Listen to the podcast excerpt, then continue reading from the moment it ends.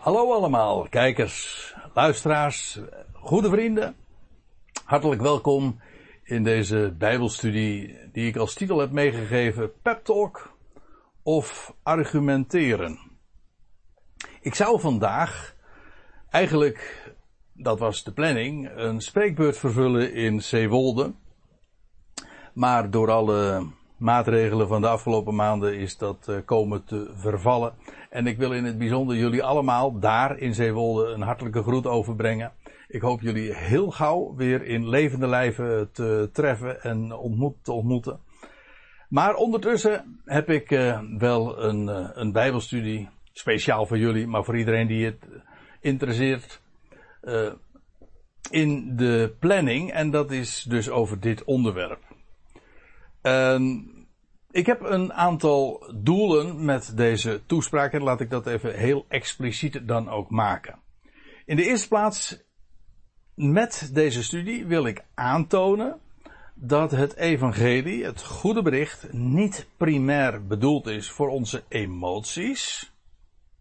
Dat is het idee altijd van een pep talk, hè? De, een, een praatje, een verhaal dat je houdt om de ander op te peppen om die weer wat uh, moed te geven. Waar ik op zich trouwens niks uh, negatiefs over wil vertellen. Ik wil alleen zeggen, dat is niet de strekking en de inhoud van het evangelie. Ik wil in deze bijbelstudie aantonen dat het evangelie niet primair bedoeld is voor onze emoties, maar om een mededeling te doen. Oftewel, een bericht door te geven. Dat is wat het evangelie betekent. Het is een goed bericht, een mededeling, iets wat je te melden hebt. En dat niet alleen, het is de, het doen van de mededeling, maar ook het aantonen dat dit een betrouwbare mededeling is. Dat het waar is, dat het klopt, dat je ervan op aan kunt. Eh, oftewel, om dit te staven. En dat heeft alles dus te maken met argumenteren.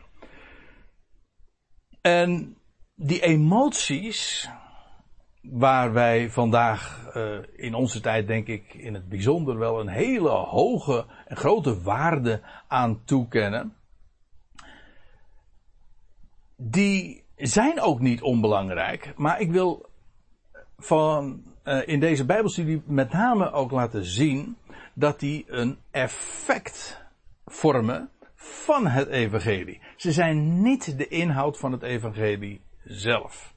Oftewel, het goede bericht heeft, als het eenmaal overgekomen is, als de mededeling gedaan is en als het overtuigend is geland bij de hoorder, wel, dan zal het effect, het gevolg daarvan zijn, dat daar vrede in het hart komt en vreugde en hoop en liefde en zoveel meer. Allemaal buitengewoon belangrijk, maar het is gebaseerd op een mededeling die waar, waarachtig, betrouwbaar en solide is. Nou, dat wil ik graag doen en ik wil dat doen door in te zoomen in deze studie op één specifiek Grieks woord. En dat is dit woord. Dia legomai. En dat heeft een, een, een code, dat noemen ze een strong codering. En ik heb het uh, nummer er even bijgenoemd om daarmee ook aan te geven dat het voor iedereen te checken is en uh, ook gemakkelijk na te gaan. Dit woordje dialegomai, dat uh, zou je ook in onze taal nog enigszins kunnen herkennen, namelijk het is verwant aan ons woordje dialoog. Dia is een voorzetsel en betekent door of dwars doorheen. En log, dat log, logie, uh, en zoals wij zoveel woorden kennen, die hebben te maken met, met woord. De logos. Wel, in dit geval gaat het om een werkwoord.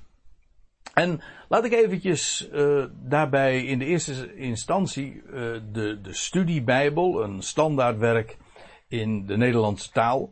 Een, uh, zeker als het gaat om de, de woordstudies kan ik dat van harte aanbevelen. Dat is een, een geweldig werk om na te gaan. Maar in de studiebijbel wordt dit gezegd over dat woordje dialegomai. Het werkwoord dialeg...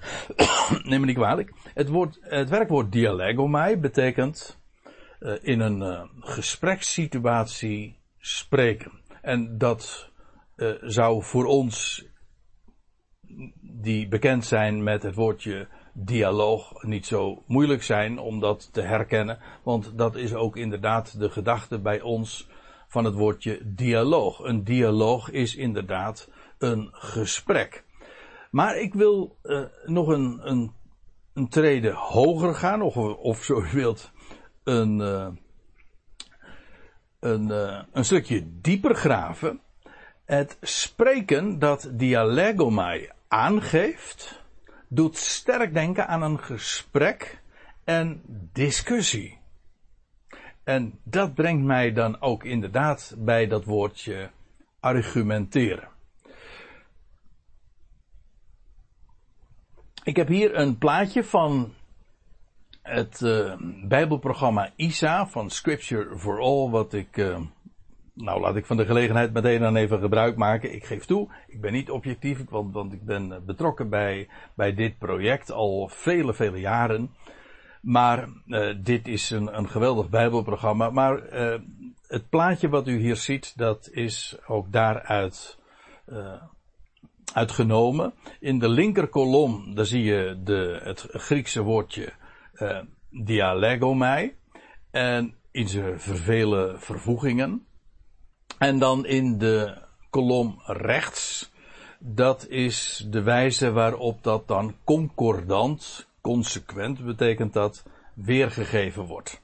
Dus één woord in de concordantie, in het, uh, in het trefwoordenregister, wordt uh, één op één, dat is het ideaal van de concordante vertaling, niet altijd mogelijk, maar dat is in ieder geval dat wat nagestreefd wordt.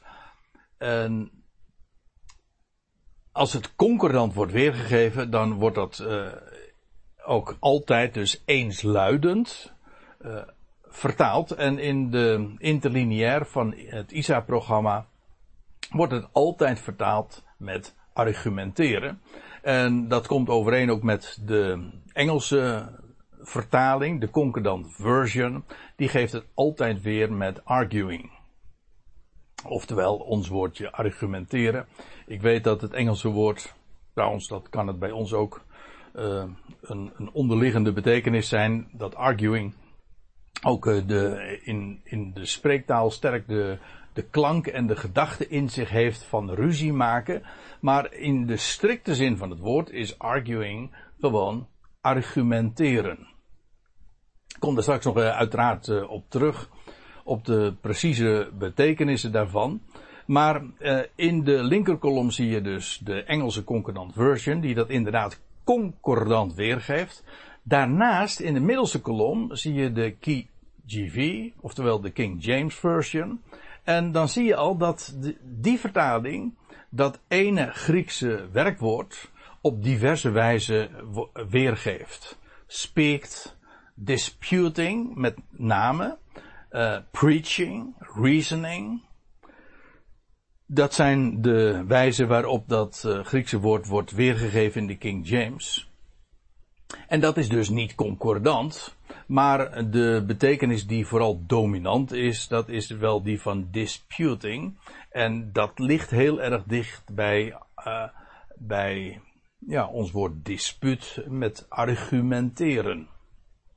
En daarnaast, helemaal rechts, zie je dan nog de kolom met de vertaling van het Nederlands Bijbelgenootschap, de vertaling van 1951. En dan zie je ook inderdaad dat dat niet concordant is, maar het wordt vertaald met, met spreken, met bespreking, met gesproken, met een keer met twist, met een toespraak, met samensprekingen, besprekingen, behandelen. Nou, dat is dus nou typisch een voorbeeld van discordant weergeven. Eén woord in de grondtekst weergeven op talloze wijzen. En dat kan natuurlijk voor uh, de lezer heel gemakkelijk zijn, want dat komt dan overeen met ons, ja, ons taalgevoel. Maar het is heel verwarrend wanneer je de Bijbel wil bestuderen en wil weten, ja, wat betekent een woord? Ja, dan moet dat woord uh, zoveel als mogelijk toch één op één worden weergegeven. Ik uh, hou het dus inderdaad op argumenteren. Ik hier trouwens nog een, een, een plaatje, een fotootje dat ik heb gemaakt van, de, van wat er achter in de Concordant Version dan staat over dat woordje dialegomai. En dan zie je dat het is opgebouwd uit, uit twee elementen. Zoals gezegd, het voorzetsel dia, dat betekent door. En uh, de rest van het woord heeft te maken met leggen. En vandaar ook uh, zeggen. Wat trouwens ook bij ons uh, twee begrippen zijn die met elkaar verband houden. Eigenlijk, als je iets zegt, dan leg je iets neer. En dat leggen, dat zie je trouwens nog zelfs in de, het, uh, het Griekse woord terug, dialegomai. En het wordt weergegeven, zoals gezegd, in de Concordant Version met argue. Oftewel argumenteren. En ja, wat verstaan we onder argumenteren? Uh, speak for en against. Oftewel, ergens uh, sp spreken van, van dat wat voor iets pleit of eventueel wat tegen iets pleit. Trouwens, het woordje, het werkwoord pleiten heeft dan weer, nee, niet met, met de gedachte van dat het weg is. Dan is het ook pleiten, maar in de zin van pleiten zoals dat in de rechtbank gebeurt. Hè. Dan pleit iets voor iemand. Of het pleit juist tegen iemand. Nou, dat is de gedachte van dat woordje uh, argumenteren. Dit specifieke Griekse woord, dialegomai, dat komt dertien keer voor in het Nieuwe Testament. Eén keer in Marcus, één keer ook in de Hebreeënbrief, één keer ook in de Judasbrief, waar het vertaald wordt met twisten. Maar het komt tien keer voor in het boek Handelingen. Dus het boek Handelingen is absoluut de kampioen daarin. Als het gaat om het gebruik van dit specifieke Griekse woord. En uh, het aparte is dat het altijd, wanneer Lucas het woord bezigt, dit altijd gaat over Paulus, die argumenteert. Nou, ik wil dat heel graag ook eens laten zien. Ik wil alle tiende voorkomens in het boek Handelingen uh, even doornemen. Soms sta ik uh, maar heel kort stil bij een specifiek voorkomen. En bij andere teksten weer wat langer. Maar ik wil heel graag dan duidelijk maken dat inderdaad Paulus, als hij het evangelie waar dan ook bracht, argumenteerde. Aantoonde, het bewijs leverde dat het waar was, dat wat hij te melden had. En dat gaat dus uh, de vele malen verder dan, uh, dan pep talk. En ook dan ons woord preken. Ook preken heeft bij ons uh, in ieder geval in de, in de spreektaal heel sterk de betekenis ook van de ander in zijn gevoel raken, zodat hij daardoor bemoedigd wordt. En nogmaals, dat gaat, het gaat mij er nu niet om om dat negatief neer te zetten. Ik wil alleen laten zien dat dat niet uh, dat dat afwijkt van de betekenis van het woord argumenteren. Paulus argumenteerde. Nou, dat wil ik heel graag laten zien. En de eerste keer waar het woord voorkomt in het boek Handelingen dan, is in Handelingen 17. En dan, dan gaat het over uh, Paulus, die inmiddels daar in Thessalonica is gearriveerd. En het huidige Saloniki in de provincie Macedonië, daar in het noorden van het huidige Griekenland. En dan staat er, en Paulus ging, zoals hij gewoon was, bij hen, daar in de synagoge van Thessalonica binnen. Paulus was een Jood. En hij bezocht altijd in de eerste plaats de Jood ook op. Dat was zijn bediening in het boek De Handelingen. Dat is een verhaal apart, daar ga ik nu verder niet op in. Maar hij, het was zijn gewoonte om de Sabbat, op de Sabbat, de synagoge te bezoeken. En dat deed hij zoals hij, zoals hier staat, gewoon was. Hij ging bij hen naar binnen. En dan staat er, en drie sabbatten achtereen, dus drie weken achter elkaar, altijd op de zaterdag, zoals wij dat dan zouden zeggen. En drie sabbatten achtereen argumenteerde hij bij hen vanuit de schriften. En dat dit inderdaad argumenteren is, dat blijkt uit de hele setting. Paulus meldde iets, we zullen dat in het volgende vers ook zien. Hij beweerde iets, hij hem iets vertellen, maar wat daarbij zaak was, was om aan te tonen dat het ook klopte, maar dan moet je argumenten overleggen. Dus het is, heeft nog niet eens altijd per se de gedachte van een debat in, in zich. Een, een tweestrijd, dat kan. Maar dat hoeft niet eens. Want in dit geval, drie sabbatten achtereen, argumenteerde hij. En wellicht dat daar inderdaad ook sprake was uh, in die synagoge van hoor en woord, wederhoor, vraag en antwoord. Hij argumenteerde. Hij voer de bewijzen aan, dat is wat het is. En wel vanuit de schriften. De schriften is in dit geval uh, uiteraard het, wat wij dan noemen het Oude Testament. Uh, de Tenach, de, de wet, de geschriften en de profeten. En vanuit de schriften argumenteerde hij. En dan staat er letterlijk, um, ja, in de MBG-vertaling staat er dan uitleggende door aanhalingen. Maar uh, dat is, uh, dat is nou niet echt een hele precieze weergave van wat er staat. Want het staat eigenlijk veel mooier. Uh, er staat letterlijk ontsluitende en voorzettende. En de aardigheid is dat die beide woorden, dat wil zeggen het, de beide Griekse woorden die hier aan, waar de vertaling op gebaseerd is, in ditzelfde hoofdstuk ook in een ander verband worden genoemd.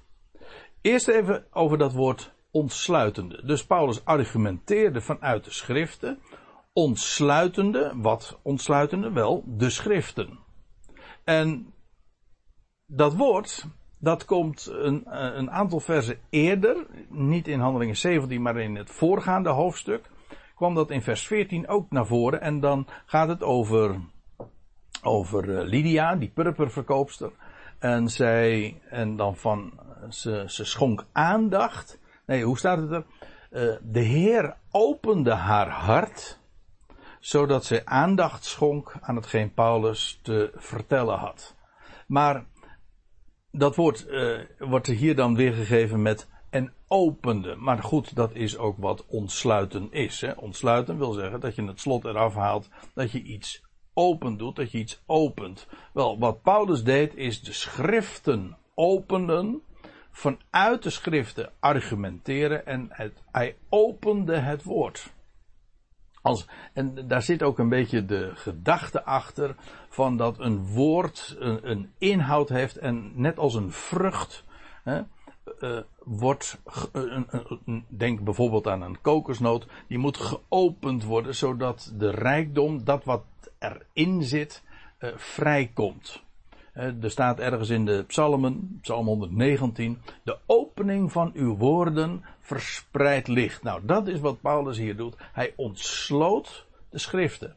En dan staat er nog een werkwoord in dat verband. Hij ontsloot de schriften, maar ook voorzettende. En de aardigheid is dat ook dit woord uh, een paar versen eerder al was uh, gebezigd. En dan gaat het over die gevangenbewaarder die uh, van de schrik vrijgekomen is. en dan staat er, en hij richtte een tafel aan. Maar een tafel aanrichten, daar staat, hier, daar staat dus in Handelingen 16 vers 34 hetzelfde Griekse woord als wat hier wordt weergegeven heeft niks met aanhalingen, het heeft te maken met voorzetten. Zoals iemand een maaltijd bereidt, dan richt je een tafel aan en dan zet je dingen aan je gasten voor. Nou, dat is wat Paulus deed. Hij argumenteerde vanuit de schriften en, dan, en daarbij deed hij twee dingen. Hij opende de schriften, hij ontsloot de schrift, dat wat nog uh, niet duidelijk was, niet helder was, wat niet open was, dat het brak hij als het ware open. En hij zette het aan zijn publiek, aan zijn luisteraars voor. En ja, wat deed hij dan? Wel, ontsluitende en voorzettende dat de Christus, de Messias, de Messiach, de, de Messias, hij die zou komen, wel hij sprak hier in de synagoge, dus ja, uh, de hele hoop van Israël is, en dat wat de synagoge, uh, ja, wat al degenen die daar in de synagoge waren wisten, ja, de Christus die zou komen, wel wat Paulus duidelijk maakte, dat de Christus eerst moest lijden en opstaan vanuit de doden, en dat aangetoond hebbend, kon hij vervolgens vertellen dat Jezus, die ik jullie verkondig, volledig aan dat profiel, aan, aan die kenmerken, aan dat wat de Messias zou doen, beantwoordt. Oftewel, dat Jezus is de Christus, de beloofde Messias. En Paulus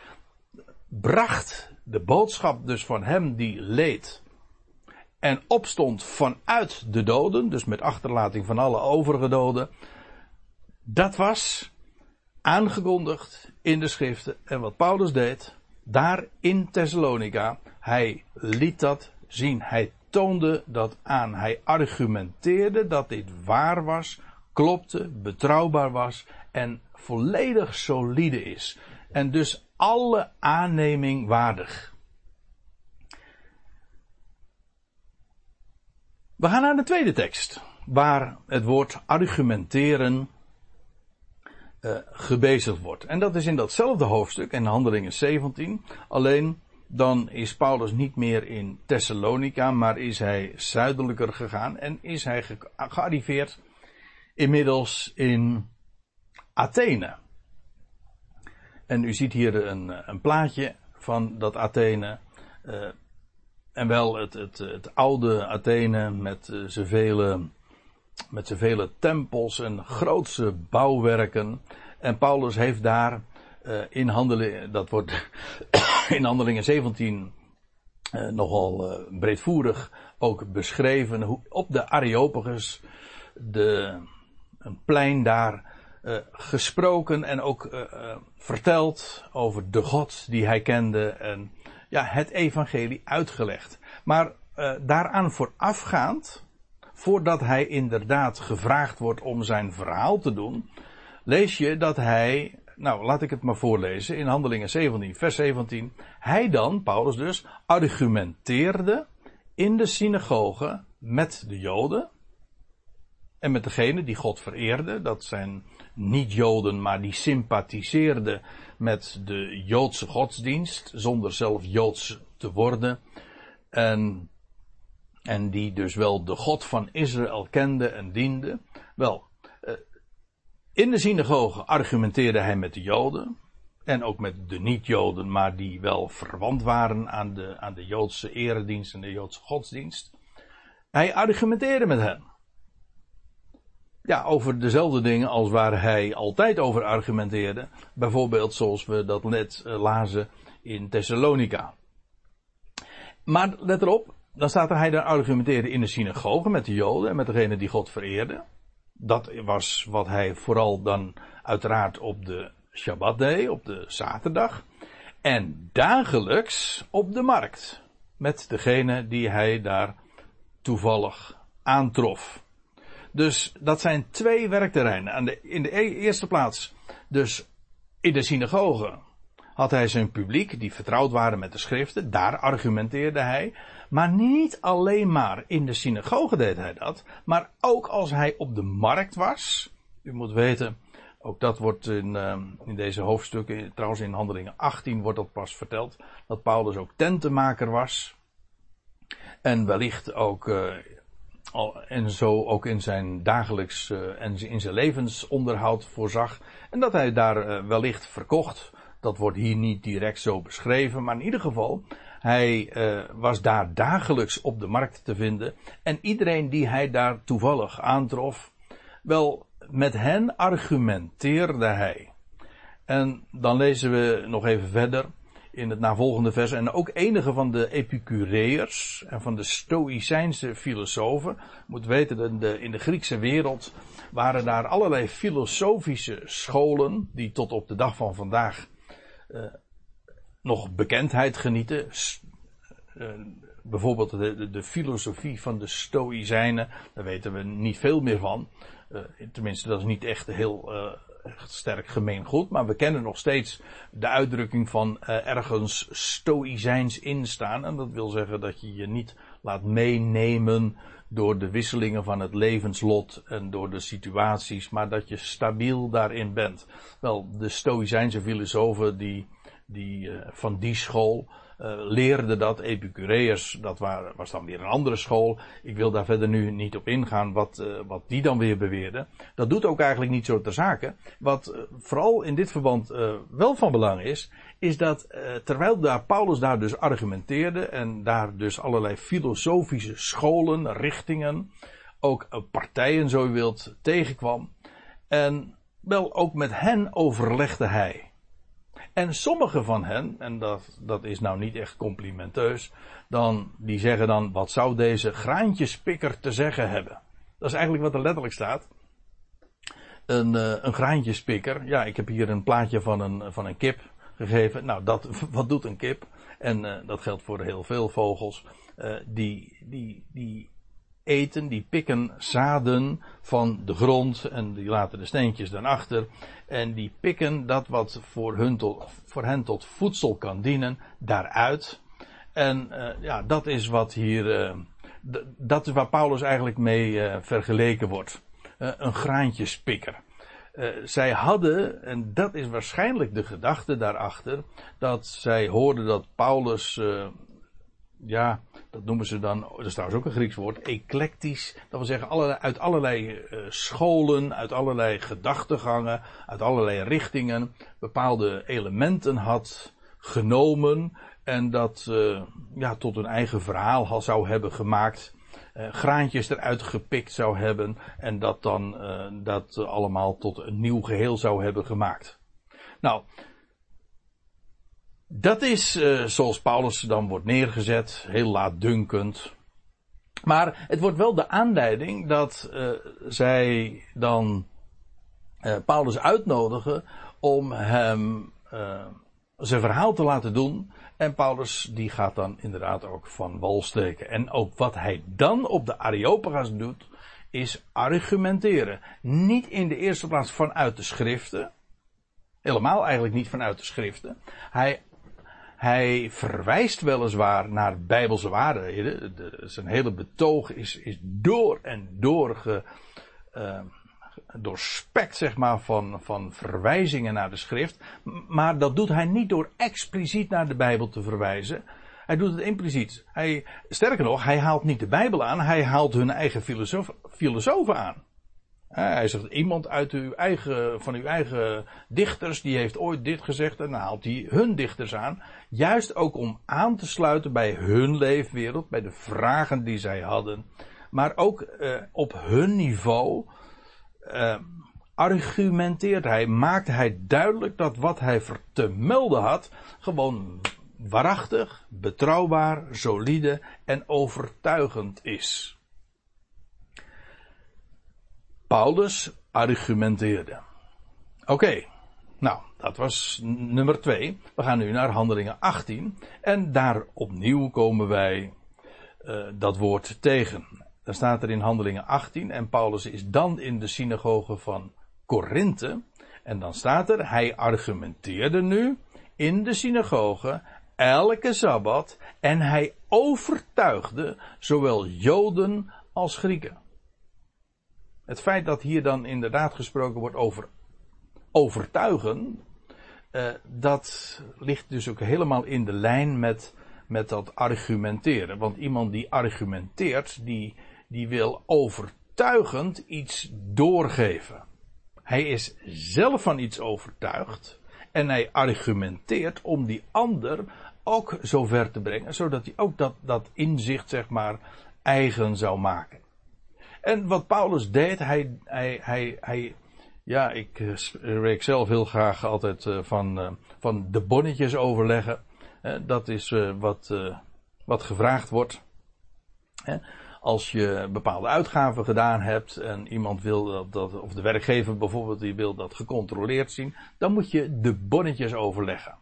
En zodat je kan aantonen dat, de, dat het klopt wat je zegt. Wel, dat is wat Paulus altijd deed.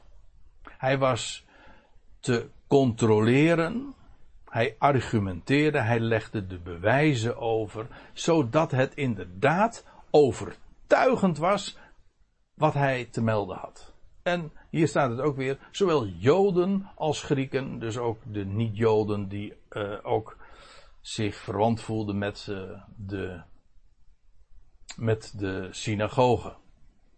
We gaan naar de vierde schriftplaats, waar in het boek Handelingen sprake is van argumenteren. En dan staat er.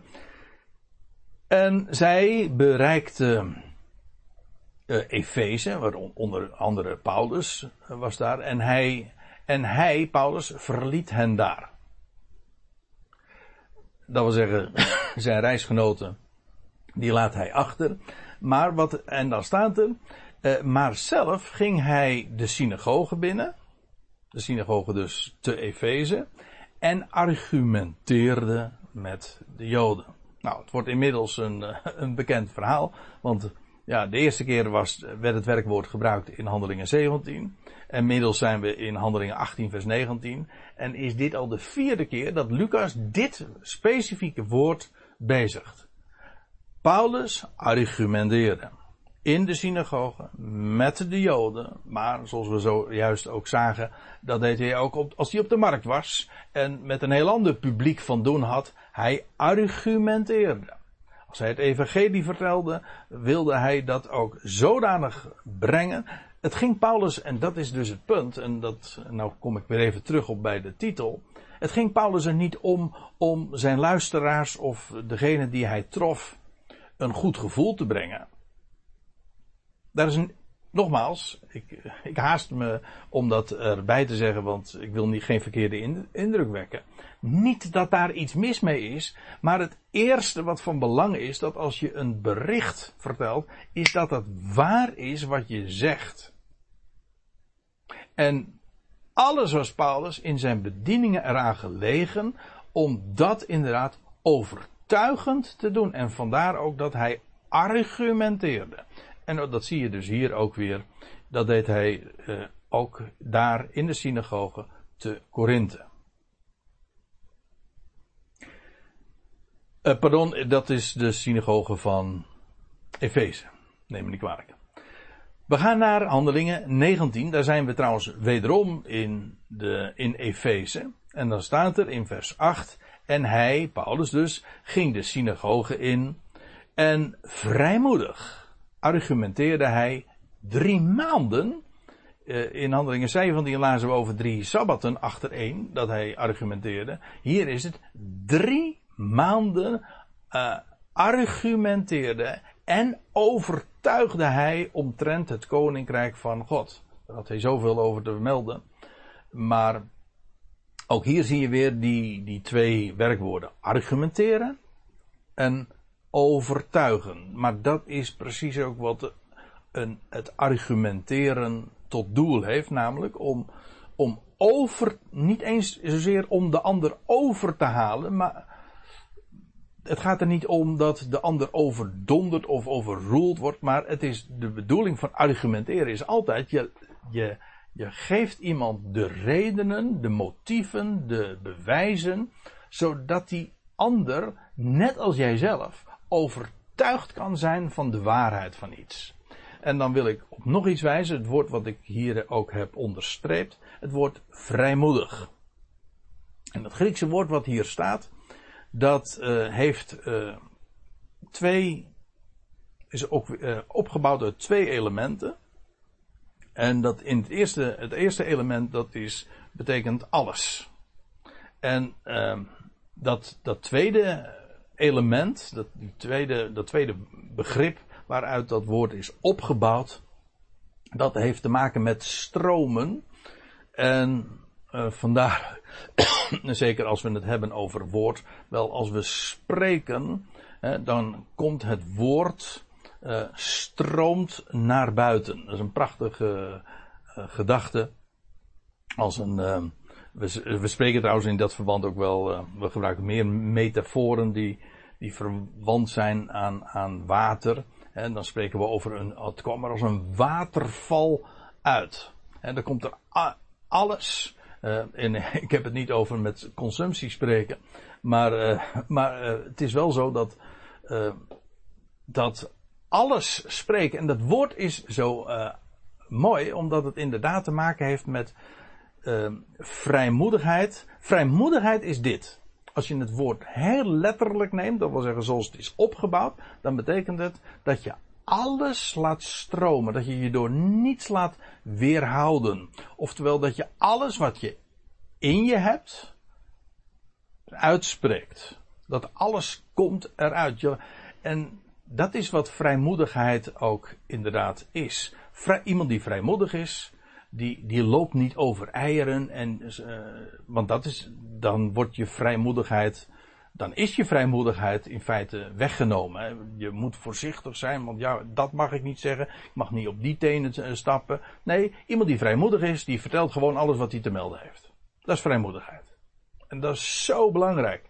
En zeker voor iedereen die het woord van God doorgeeft, die zou zich ervan bewust zijn dat hij alles wat hij te melden heeft en wat waarheid is, wat onder bewijs gesteld kan worden, dat het ook gesproken kan worden. En dat je je niet laat weerhouden door wat men zegt, of door beperkingen, of door uh, het publiek die zegt van ja, maar mag dat dan wel, of kan dat wel. Uh, ja, op het moment dat je daarin gehinderd wordt, of je laat hinderen, want ja, in feite is dat ook altijd wat je dan doet. Je kan in een gezelschap komen en dat van tevoren gezegd wordt, uh, je mag hier wel komen spreken.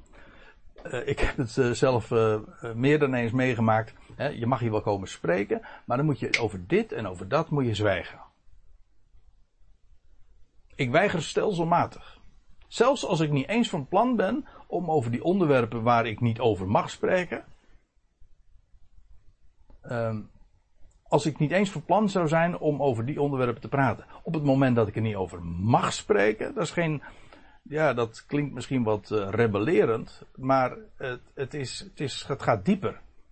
Het is, het is een kwestie van vrijmoedigheid. Want op het moment dat ik gehinderd word om over iets waarvan ik weet dat het waar is en dat het ook verteld zou kunnen en moeten worden, op het moment dat ik daarin verhinderd word, ben ik niet meer vrijmoedig. En ja, Paulus die ging de synagoge in en reken maar dat hij ook tegen allerlei dingen aanliep, maar niet meer, hij liet zijn vrijmoedigheid daardoor niet afnemen. Nou, laten we het maar gewoon verder lezen, want het is heel boeiend wat je dan vervolgens leest.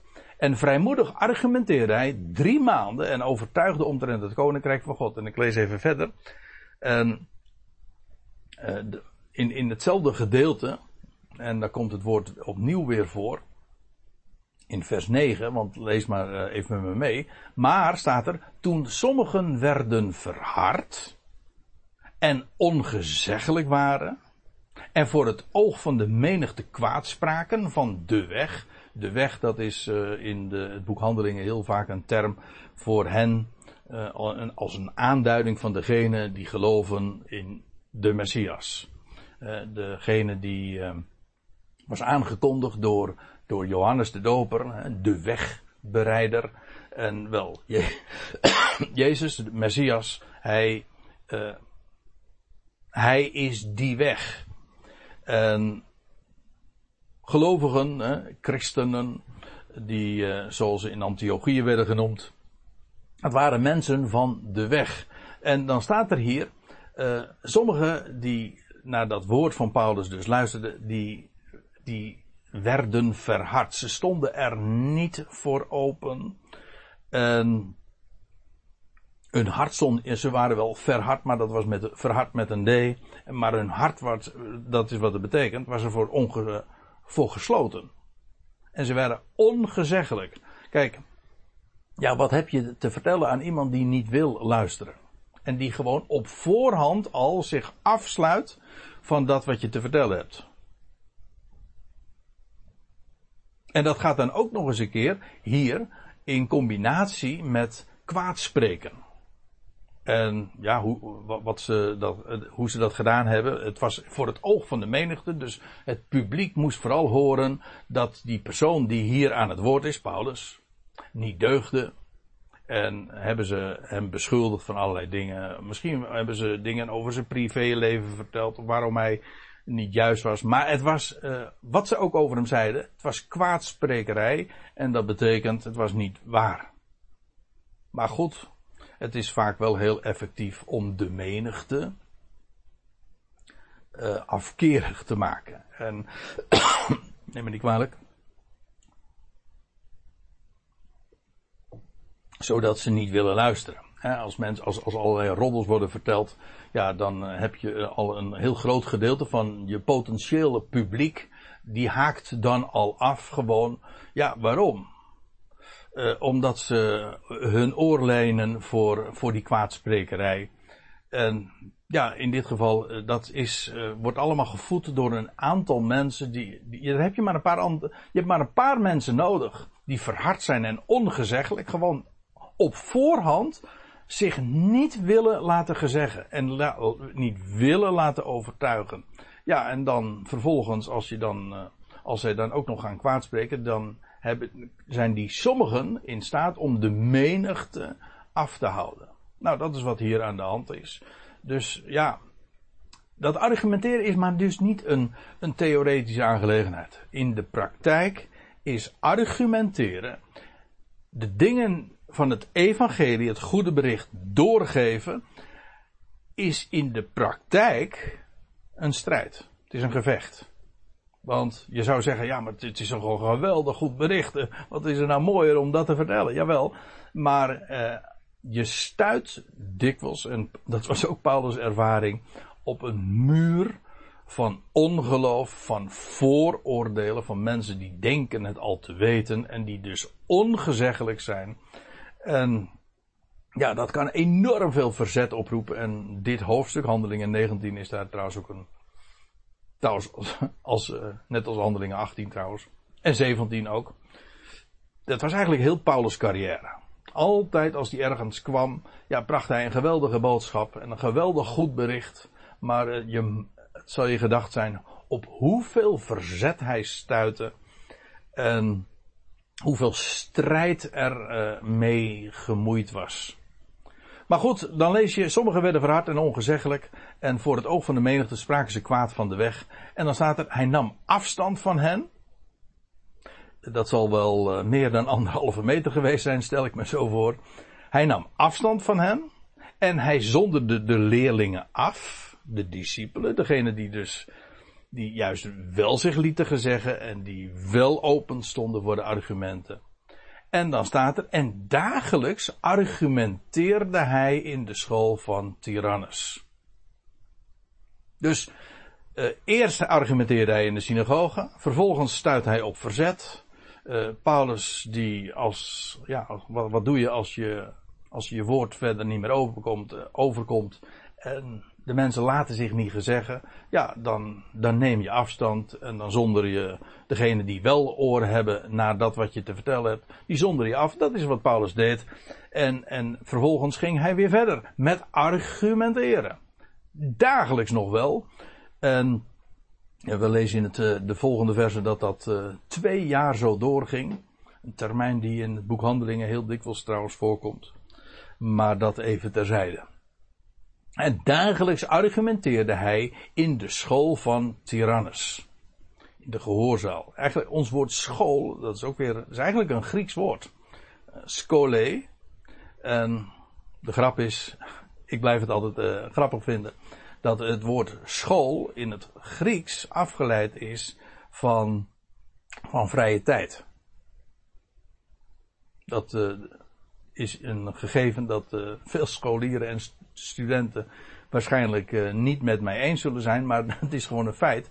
Dat woord school heeft, is afgeleid van, van vrije tijd en het idee daarbij was dat als je iets wil leren, dan moest je tijd vrijmaken En in, je in de tijd die je vrijmaakt, dan kun je en, en geen andere bezonjes hebt, wel dan ben je open en ben je in staat om onderwijs te ontvangen. Dan moet je vrij zijn van alle ja, bezonjes en dingen die, alle, die normaal gesproken de aandacht vragen.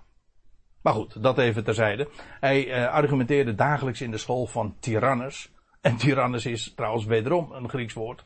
Ja, maar ook een Nederlands woord. Want we herkennen daar natuurlijk direct ook ons woord tiran in. Nou, dan ben je een vent hoor. Dat uh, wat Paulus hier deed. Want hij argumenteerde in, een, in de school. Ja, die was van, uh, van een tiran. Per definitie die negatieve klank heeft had toen de tijd, als die het nu heeft, dat weet ik niet direct zo zeker. Maar uh, het heeft, uh, ik moet zeggen, het feit dat Paulus argumenteerde, daar in de school van Tyrannus en in het algemeen, daar in Efeze, waar zoveel verzet heeft, uh, waarvan zoveel uh, afwijzing en verzet sprake was, wel, dan, dan zie je dus inderdaad dat, dat argumenteren en het doorgeven van de goede, het goede bericht, dat is inderdaad strijd. En dan moet je inderdaad een, een, een, een man zijn hoor. Een echt een kerel. Want argumenteren in de school van de tiran. dan, uh, dan krijg je heel wat over je heen. En dan krijg je ook heel veel uh, kwaadsprekerij. En om dan door te gaan zoals Paulus dat deed, dagelijks, ja, een paar jaar achtereen. Ja, nou, dat is dus dat argumenteren. En ook dit weer bevestigt weer precies wat ik zojuist bedoelde te zeggen. Dat argumenteren is maar geen theoretische aangelegenheid, iets academisch. Ik vind dat wel grappig dat ons woord academisch, dat uh, is, uh, dat, uh, dat, als iets academisch is, dan bedoelen wij daarmee, dat is een, een, een kwestie die eigenlijk totaal niet echt ter zake doet. Dat gaat over dingetjes achter de komma, weet je wel. Het doet niet, als, als je zegt van, ja, het is een academische kwestie, dan bedoel je in de praktijk heeft het uh, verder helemaal niks om handen.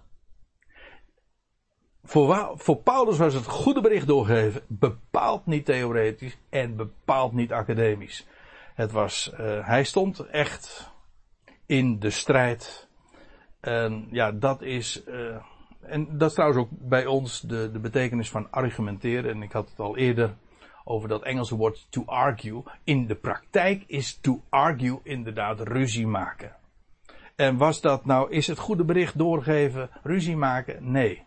Maar het effect ervan is heel dikwijls wel ruzie, conflict. Het roept strijd op, verzet. Want ja, je zit nogal wat aan dingen.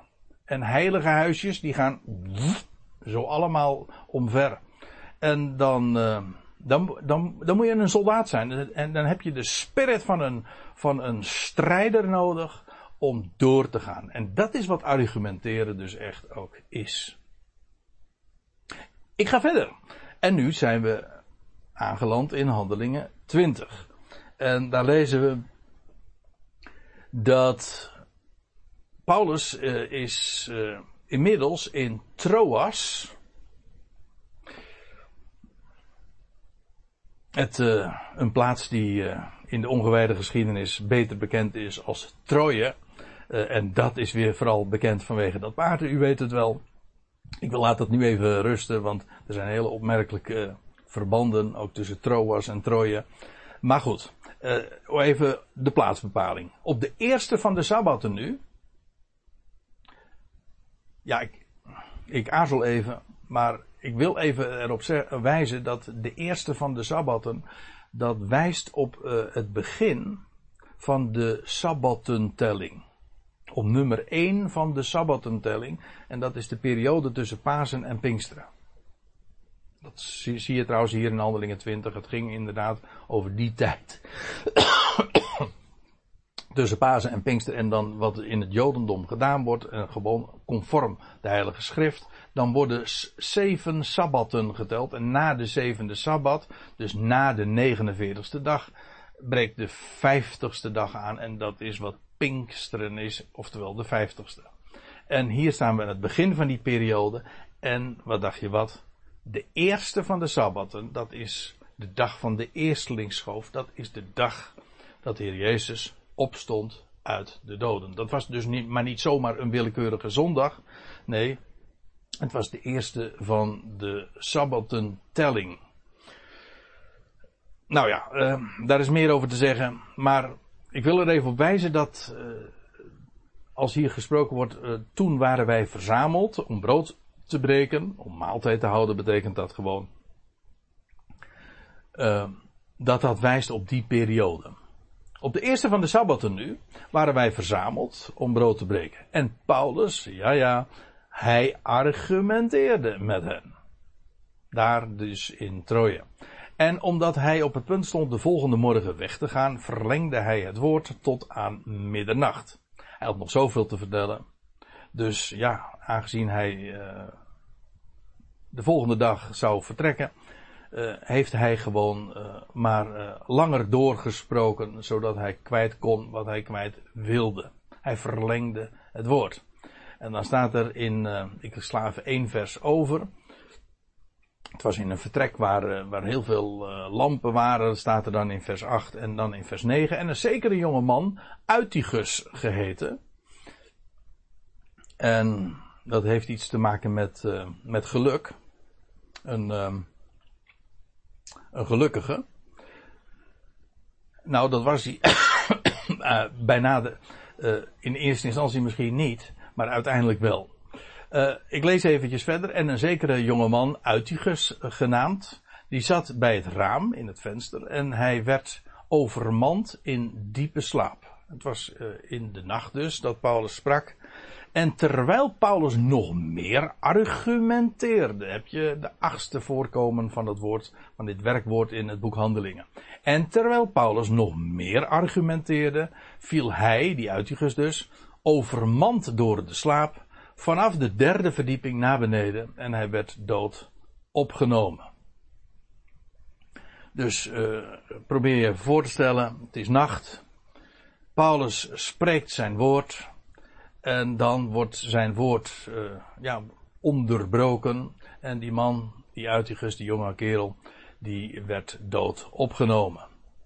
Uh, ja, het is niet het onderwerp, maar ik kan het niet nalaten om in dit verband toch even erop te wijzen op de, de, de diepere laag uh, in zo'n geschiedenis. Want het is meer dan alleen maar het verhalen van een geschiedenis. Want er zit een hele typologie in, een, een diepere verwijzing. Want het idee is, Paulus' woord wordt onderbroken. En wat gebeurt er? Die uitigus, die slaapt. Hij valt en hij sterft. En in alle drie de, die beschrijvingen is hij, die uitigers, een type van Israël. Paulus sprak het woord tot, het, tot Israël, maar Israël sliep. Ze hadden de ogen gesloten. Het kwam niet over.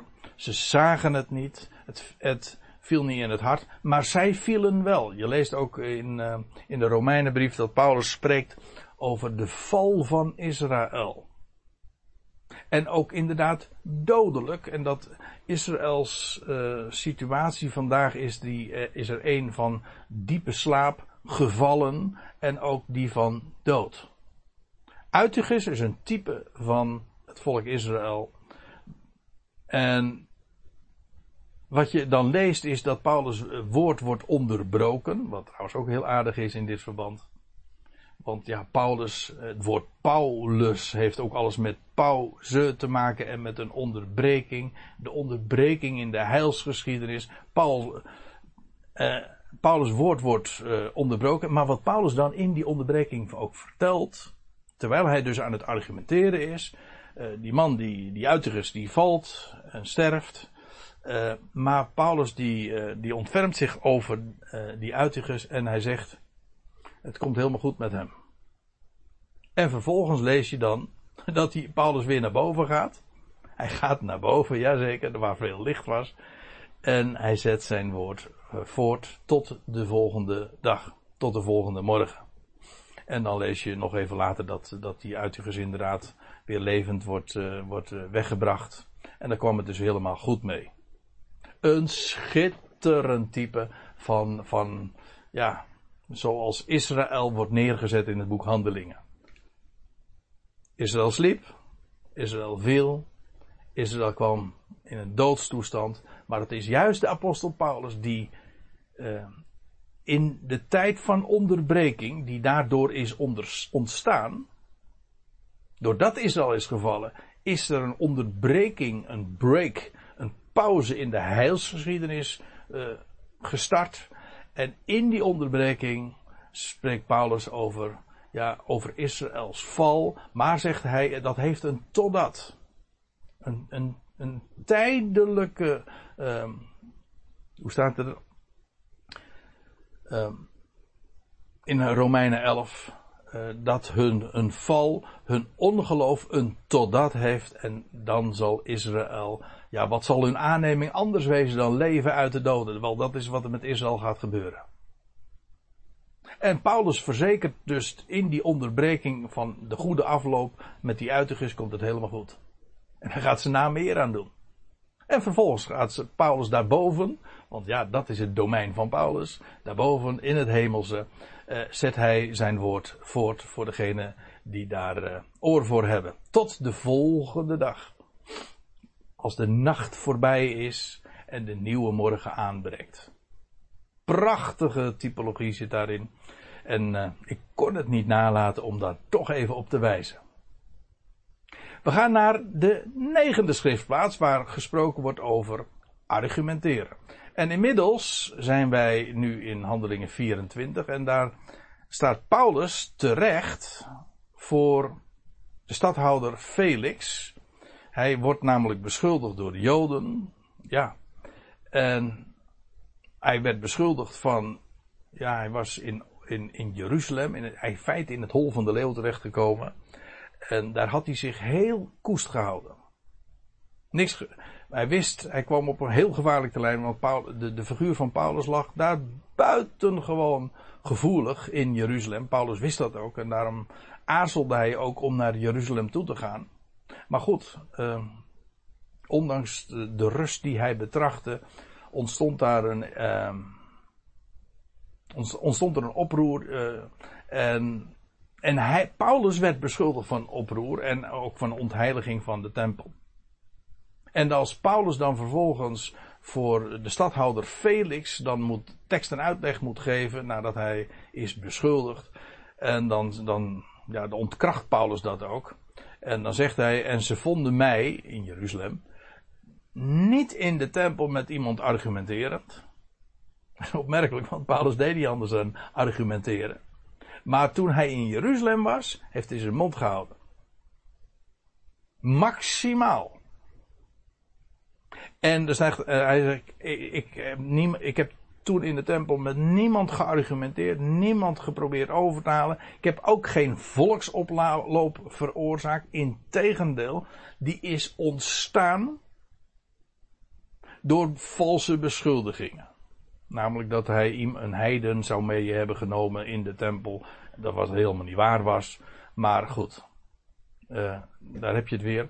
Als dan zulke kwaadsprekerij geuit wordt, dan in no time uh, wordt dat uh, een gezwollen verhaal en dan en de massa gaat daar dan in mee. En we weten allemaal wat er dan gebeurt als er paniek toeslaat en als er een bepaald verhaal rondzinkt. En vandaag in de dag is dat allemaal nog veel sterker dan dat, dan dat in vroege dagen was. Hè, want social media doen hun werk wel. En dan is een verhaal zomaar opgeblazen.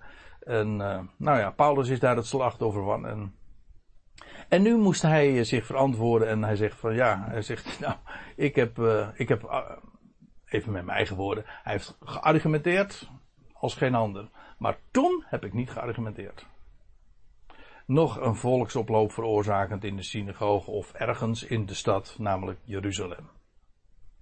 Goed, nou, en dan komen we bij de laatste tekst aan, waarin dat woordje argumenteren, dat werkwoord wordt gebezigd in het boek Handelingen. Handelingen 24. Of, nog steeds zijn wij daar bij stadhouder Felix, en dan staat er dat Paulus daar bij Felix wel argumenteerde.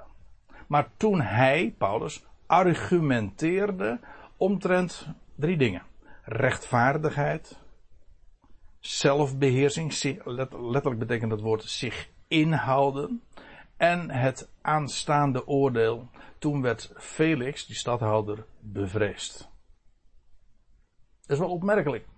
Uh, ook Paulus, ja, er zal een, een discussie zijn ontstaan over wat billig is, wat rechtvaardig is. En, uh, en het, het, belang van jezelf in te houden. En over het aanstaande gericht. Wel, Paulus argumenteerde daarover uh, met Felix. Of in ieder geval in het bijzijn van Felix. En Felix werd bevreesd. Ja, waarom? Omdat de kracht van de argumenten zo groot was. En dat zie je heel vaak. Dat als mensen zich realiseren dat de argumenten zo sterk zijn. Dat er niks tegen in te brengen is. Wat doe je dan? Ja, dan, laat je, dan word je overtuigd. Of je wil er niet aan. En dan word je bang. En dan ga je een uitweg zoeken. En dat is precies ook wat hier gebeurde. Felix werd bevreesd door de kracht van de argumentatie. En hij antwoordde: Ga nu. Uh, uh, alsjeblieft, uh, vertrek. En dan zegt hij nog wel: Maar wanneer ik gelegenheid krijg, dan zal ik je laten komen. De Engelsen zeggen dan: Don't call us, we call you. Met andere woorden, van ons hoor je niks meer. Felix die, die kon niet onder de kracht van Paulus' argumenten uit. En dus zegt hij van ga maar. Hij zegt ik, ik roep je wel weer. Ik moet er wel bij zeggen, hij liet inderdaad Paulus wel weer komen, zelfs heel vaak nog. Maar als je dat dan in het navolgende leest, dan was dat vooral omdat Felix hoopte dat hij Paulus zou kunnen tackelen en uh, dat Paulus uh, steekpenningen zou gaan geven om, om, om, om, vrij te komen. En uh, dat was in de Romeinse rechtspraak absoluut verboden. En dan zou Felix een argument hebben. een argument hebben om, om Paulus inderdaad te veroordelen. Maar dat kreeg hij niet voor elkaar. Paulus, ja, die bewandelde de rechte weg. En uh, Felix, die heeft erop aangestuurd dat, dat Paulus misschien een, een slinkse weg zou bewandelen. Maar uh, zonder succes. Zodat Paulus, uh, ja, twee jaar lang daar gevangen heeft gezeten. Weer twee jaar inderdaad. Daarbij Felix. Nou, je ziet hier dus ook duidelijk de reactie uh, van iemand die de kracht van de argumenten niet kan ontkennen, maar, uh, en daardoor bang wordt, maar zich daarvan probeert af te maken. Ja, want wat doe je dan uh, met, een, met iemand waarvan je weet dat deze de waarheid spreekt en je wil er niet aan? Wel, de waarheid kan je niet er niet doen, maar je kan wel degene die ervan getuigt, uh, letterlijk of figuurlijk een kopje kleiner maken. Je kunt wel degene die van de waarheid getuigt, mond dood maken. In feite is dat ook een vorm van moord. Namelijk zodat die ander niet meer spreekt. En uh, in in onze dagen zie je dat dan ook zo dikwijls. Eh, dat, eh, dat mensen die spreken van de feiten. En ik heb het nu niet alleen maar over de feiten van het Evangelie. Maar over de waarheid in het algemeen. Als mensen daar niet aan willen, dan wordt de waarheid ten onder gehouden. Dat lukt je nooit echt, want ik vergelijk het altijd met een bal die onder water probeert te houden. Daar moet je heel veel kracht voor zetten. De natuurlijke neiging van die ballen is om, om, om boven water te komen. En dat is de waarheid altijd. De waarheid komt altijd boven water. Maar uh, ja, dat is wat, uh, wat me mensen doen met de waarheid. Hè. Ze houden het ten onder. Degene die ervan getuigt, die mag niet zijn mond open doen. Die negeer je, die, die sluit je buiten. Zodat die niet gehoord wordt. Mond dood gemaakt is. Goed, nou. Dat waren de tien teksten in het boek Handelingen waar sprake is van, van argumenteren. Nou, laat ik even een paar conclusies even op een rijtje zetten. Zodat, uh, zodat er even helder nog is uh, waar, wat, wat onthouden zou moeten worden. Een goed bericht, dat is wat het woord evangelie betekent, is alleen dan goed wanneer de mededeling ook waar is. Dat is een minimumvoorwaarde. Een goed bericht moet waar zijn. Een bericht uh, is nog niet. Uh, een bericht is nog niet per se goed als het waar is. Ik bedoel, ik kan allerlei dingen vertellen. Uh, ik kan vertellen over. over een huis dat in de, in de fik staat. Dan is dat, dan is dat waar. Of dan kan dat waar zijn. Maar dat, is, dat maakt het nog niet tot een goed bericht. Maar als een goed bericht niet waar is, ja, dan heeft het dus helemaal niks om het lijf. En dat is het hele punt. Als Jezus Christus niet daadwerkelijk, concreet, historisch opgewekt is uit de doden, wel, dan is het evangelie geen evangelie. Dan is dus ook de dood niet overwonnen. Dan zal de dood ook niet worden teniet gedaan. Kortom, dan is er geen werkelijke hoop en verwachting en vrede en vreugde. Alleen als het werkelijk waar is dat er één God is die alles een plaats geeft en die zijn woord vervult, ja, dat moet waar zijn. Concreet, en dat is van, uh, van fundamenteel belang. Goed bericht is alleen goed wanneer de mededeling ook waar is. Alles wat Paulus alles was Paulus er daarom aan gelegen om het goede bericht te bewijzen. Of zoals ik dat dan pleeg te noemen, de bonnetjes te overleggen. Te, aan te tonen dat het waar is wat hij zei. Dat is wat het argumenteren is. En zodat het evangelie een overtuigend woord is. Die kracht, die potentie heeft het. Laat de leeuw maar los, dan zal die zijn kracht bewijzen. Spreek dat wat er staat geschreven. En dat is zo solide, zo waar. En het effect daarvan is inderdaad dat als je overtuigd bent, dat daar een zee van licht en van, van vrede en van vreugde binnenkomt. En dat is zo geweldig als je een solide woord kent van een God die leeft en alles tot een goed einde gaat brengen. Kijk, dat is evangelie. Maar het is ook werkelijk waar.